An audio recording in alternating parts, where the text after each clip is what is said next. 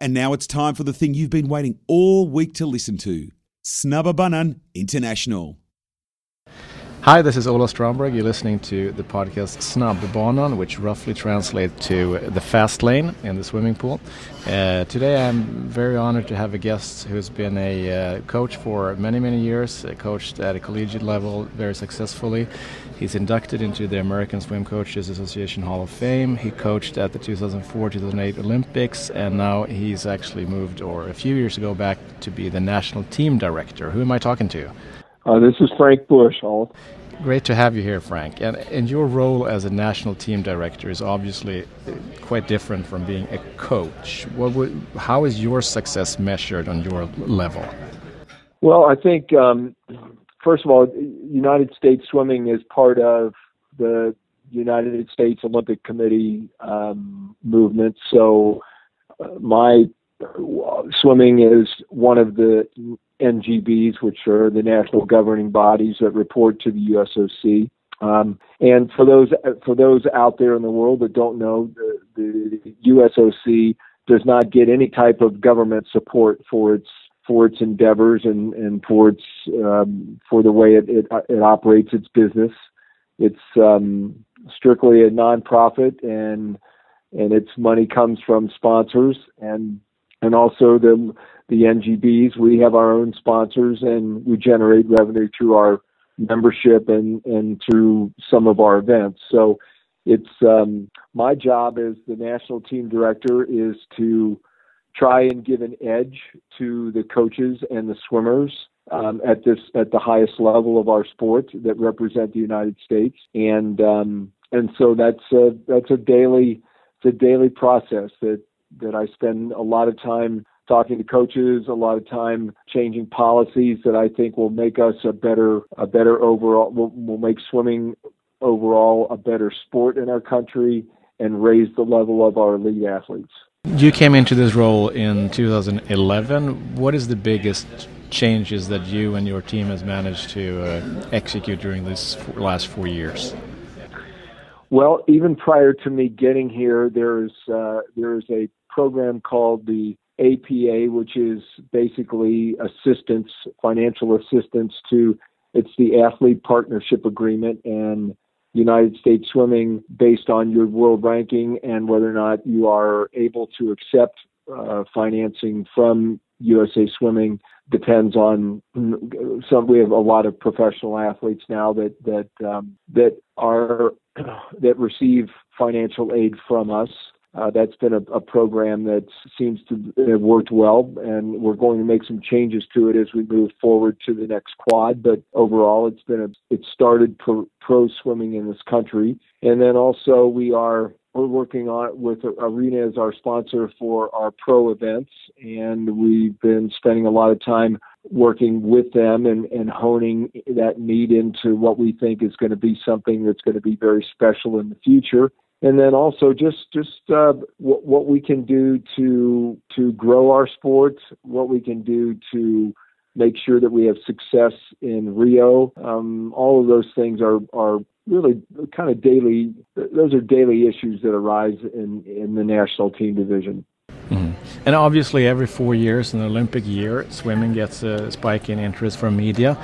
How do you see that that could actually be not just a spike during the every four years, but maintain a high level? Well, I think we have to look at it a little bit differently, and we need to promote it a little bit differently. You're absolutely right. The the year the the usually the year following the Olympics, from a membership standpoint and interest standpoint, that's a, our biggest spike with each within each quad. So uh, it, we need to, and we have some ideas on how we're going to approach the future of of uh, trying to to make sure that we get out to the grassroots of our sport, so we can grow our sport. And uh, as as you know, if you look at certainly if you look at NBC's polls from which sport was watched the most by uh, American viewers during the 2012 Olympics, it was swimming. So we are we now have households, we have names that household people know they they know Michael Phelps, they know the name Missy Franklin, they know the name Ryan Lochte, they know the name Natalie Coughlin, they know the name Katie Ledecky. So these are Nathan Adrian, Matt Grevers. These are names uh, that if you went out and you asked uh, the average person walking on the street in in the United States and asked them to maybe name three of our biggest track stars, I'm not sure they could do it. So we're in a position now where we have stars that people that aren't connected with our sport know. Do you think, and the names that you mentioned here, they, they have been around for quite some time and very impressive they can keep on an international level. Is it only positive that people stay longer? It could also be negative that it takes longer time for younger kids to get into the national team, etc.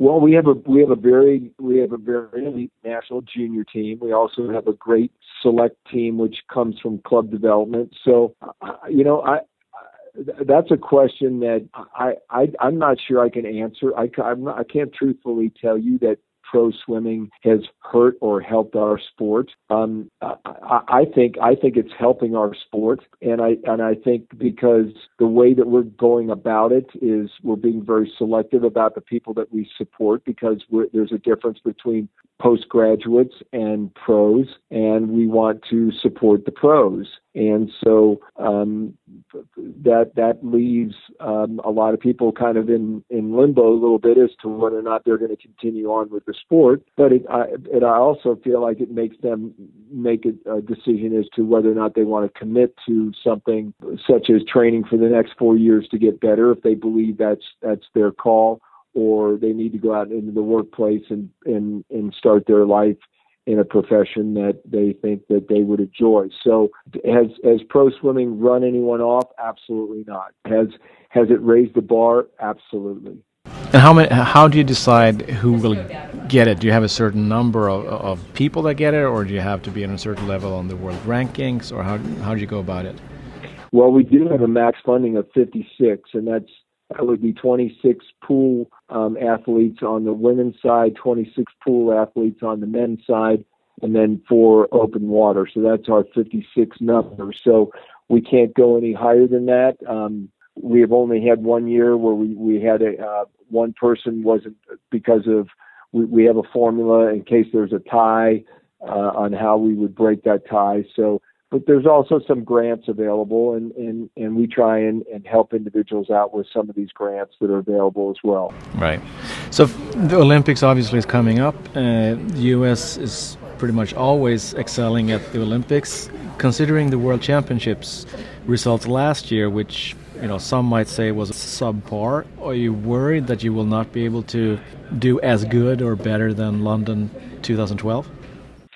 Well, also, uh, the way we approach the the year before the Olympics is is very different than we the way we approach any other year. We select the 2000 we selected our Kazan team from 2014 from from the results from our nationals in the summer of 2014 and the results of the Pan Pacific Games. So we chose our team a year in advance and we do that for training purposes. And and sometimes we're successful.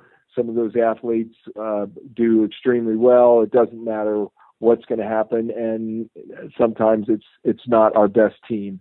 We realize that it's probably never going to be our best team when you choose it a year in advance but it's our choice based on our goal being 2016 success What's success now in 2016 in Rio? Do you count number of medals, number of gold, other other ways to measure performance? Well, if you went by the if if we go by the USOC, it would go by numbers of medals. They they they would you know very historically we've been right around 30 medals that we've won and and um and how many gold, silver, or bronze. That's that that's never been part of the equation, though we've been very fortunate to win quite a few gold medals.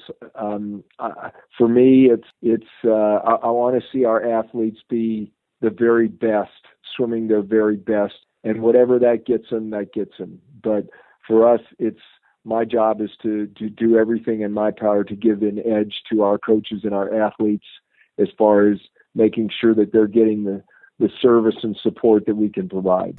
And the head coaches that you picked, Bob Bowman and David Marsh, what separates them from the other coaches, would you say? Well, we have several tremendous candidates uh, that could have been selected as as our head coaches.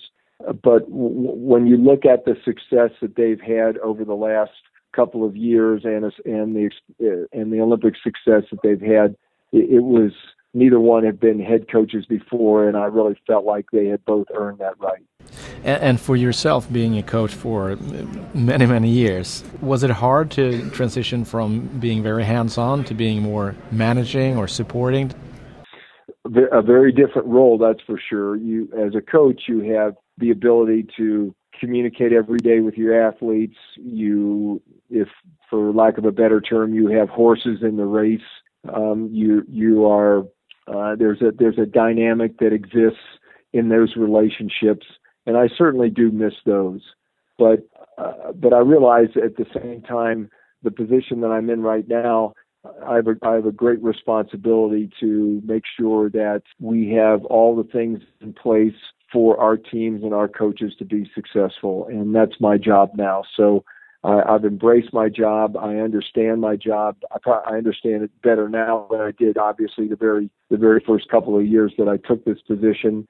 And I take a lot of pride in it, and and it's been very rewarding, and, and, and but but in very different ways.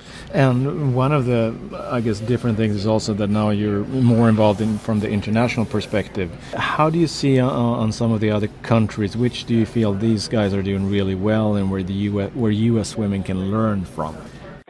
Oh, uh, there are so many great coaches and great athletes in this sport across across the world. Uh, all you have to do is just look at the success of, of some of these coaches and what they've done with far fewer athletes than we have to work with. So you can always learn, and we should always be thinking about learning from anyone that we can. So, you know, I've never met, you know, you see something and and it may exact same thing, but it stimulates uh, an idea. Yeah, I think it's um, would be, you know, we would be, we certainly wouldn't be doing our jobs if we weren't paying attention to what's going on in the rest of the world. And if we talk in international, recently there's been quite a few, if talk more, not so exciting topic, uh, but doping. Uh, there's been rumors about systematic doping in Russia with the track and field, and also recently um, about swimming. How likely is it that FINA will ban Russia from competing just like they did in track and field? Uh, your, your your guess is as good as mine. There, um, I can tell you that. Are you surprised? Well, I, I, in some ways yes, some ways no, and and let me explain. We we fortunately had um, one of our highest ranking doping officials in this country um, have a personal meeting with with uh, with FINA, with Cornel and FINA, and was well received. And that individual also brought along a letter that was signed by all of our best athletes that basically asked FINA to please not concentrate on the 11 through through 50 athletes, but just focus on the top 10 athletes in the world.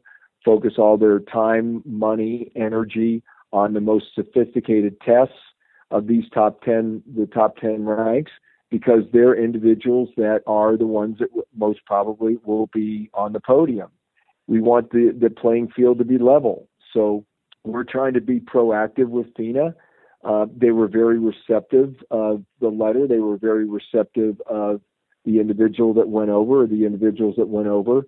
And, you know, as far as I'm concerned, any international athlete that steps foot on USA soil is going to be tested by our by USADA. Um, they're going to be tested when they get off the plane. They're going to be tested in the morning. They're going to be tested at night because we feel like it's the only way that it's right to compete is if you're clean, and we're trying our best to make sure that this that the sport is clean. Okay, let's move on to a more more positive topic. NCAA's uh, just recently concluded the women's and the men's events, and there were some really really fast races. Uh, most re recently here in the men's race, uh, some sprinters who did fantastic times. Do you think it's they will convert into long course meter this season already? I'm certainly hopeful. Um, it's you know when you when you swim a short pool and you swim a long pool it's a completely different thing But the great thing about the success that we had in, in several of the records that were broken were broken by individuals that have proven that they they they're they're very good long course swimmers as well. So um, I'm very optimistic about uh, uh, at least a, a maybe 10 to to 12 of each, both men and women, from the from this from the collegiate ranks that will be that that, that have a great a great chance to make the Olympic team and even more importantly to be podium finishers. Do do you think it's a bigger step going from short course yards now to long course because of the work and the improvement that swimmers are doing in underwater starts turns underwater overall so that the actual swim part is less of a, of a factor even though it's still a big part of course oh no there's no question about it you can be a you can be a big strong individual and be a great short course swimmer and be a big strong individual that can't swim long course so because you don't have the walls to bounce off of. So yes, you're absolutely right. Um, and and we have and we have those, but in our system, uh, they can be obviously they can be very valuable to collegiate programs. But at the same time, swimming right next to them uh, on the same team is an individual that is good underwater but knows how to swim in a long course pool as well. If we move on to a little more personal about your background as coaching, you started coaching when you were quite young. How and why did you get into coaching?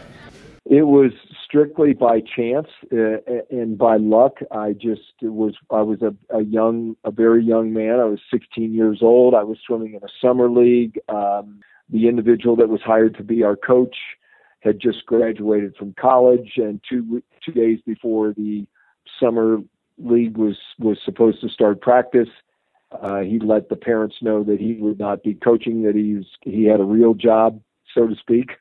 And so the parents came to me and and asked me if I could, if nothing for for lack of a better term, babysit. And and then the next thing you know, eight years later, I was still babysitting and doing the summer league, and and then and of course, when you know, by that time I was a college graduate. I I had I was married. I had a young child. Um, I needed to I needed to to make some money, so I worked I worked in the construction business, and I did that knowing that I was not going to be that was not going to be my lifeblood, but in order for it to satisfy my passion, um, I was also a coach of a very small year-round program. So you you you'll do you know when you when you're passionate with something, you'll do anything to satisfy that passion. And I had to put food on the table, so I worked construction bef- after morning practice um, and worked construction up until I had to quit working to to go to swim practice in the afternoon and I did that for several years and eventually that got me into college coaching and then I was able to not work construction anymore and just be a full-time coach. Mm-hmm. And now you're the national team director.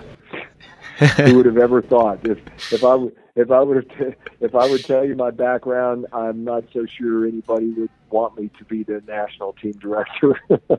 I'm sure they're happy now, though. Well, I, I hope so. But if we go back to uh, one of the last questions, if you have to pick one gold medal, um, which you feel the most sure Team USA will win in Rio, who will that be, or what what race?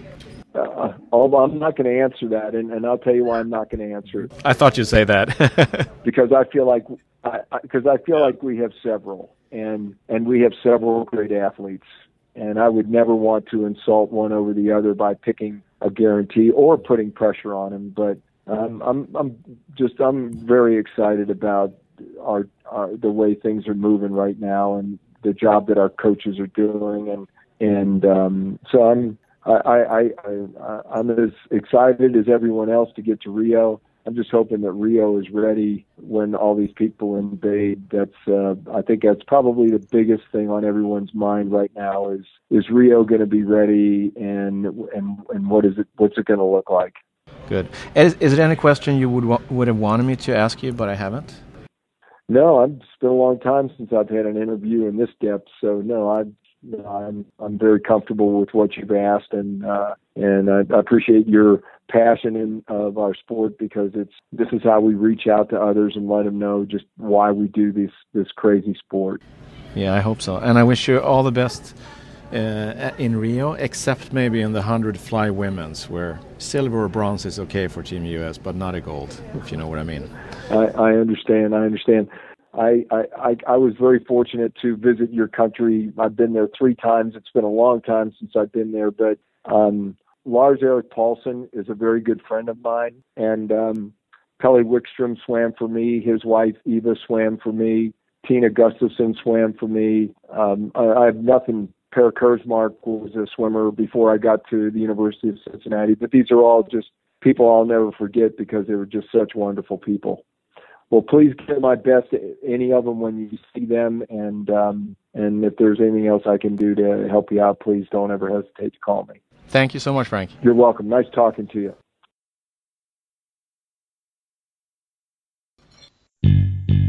Hoppas att ni tyckte det var intressant att lyssna på Frank och prata, som pratade lite om amerikansk simning. Ska ni åka på träningsläger, då kan jag rekommendera er att åka till Fuerteventura. På Pleitas hittar du jättebra träningsmöjligheter och en fantastisk buffé. Nutella till frukost, det är inte helt fel.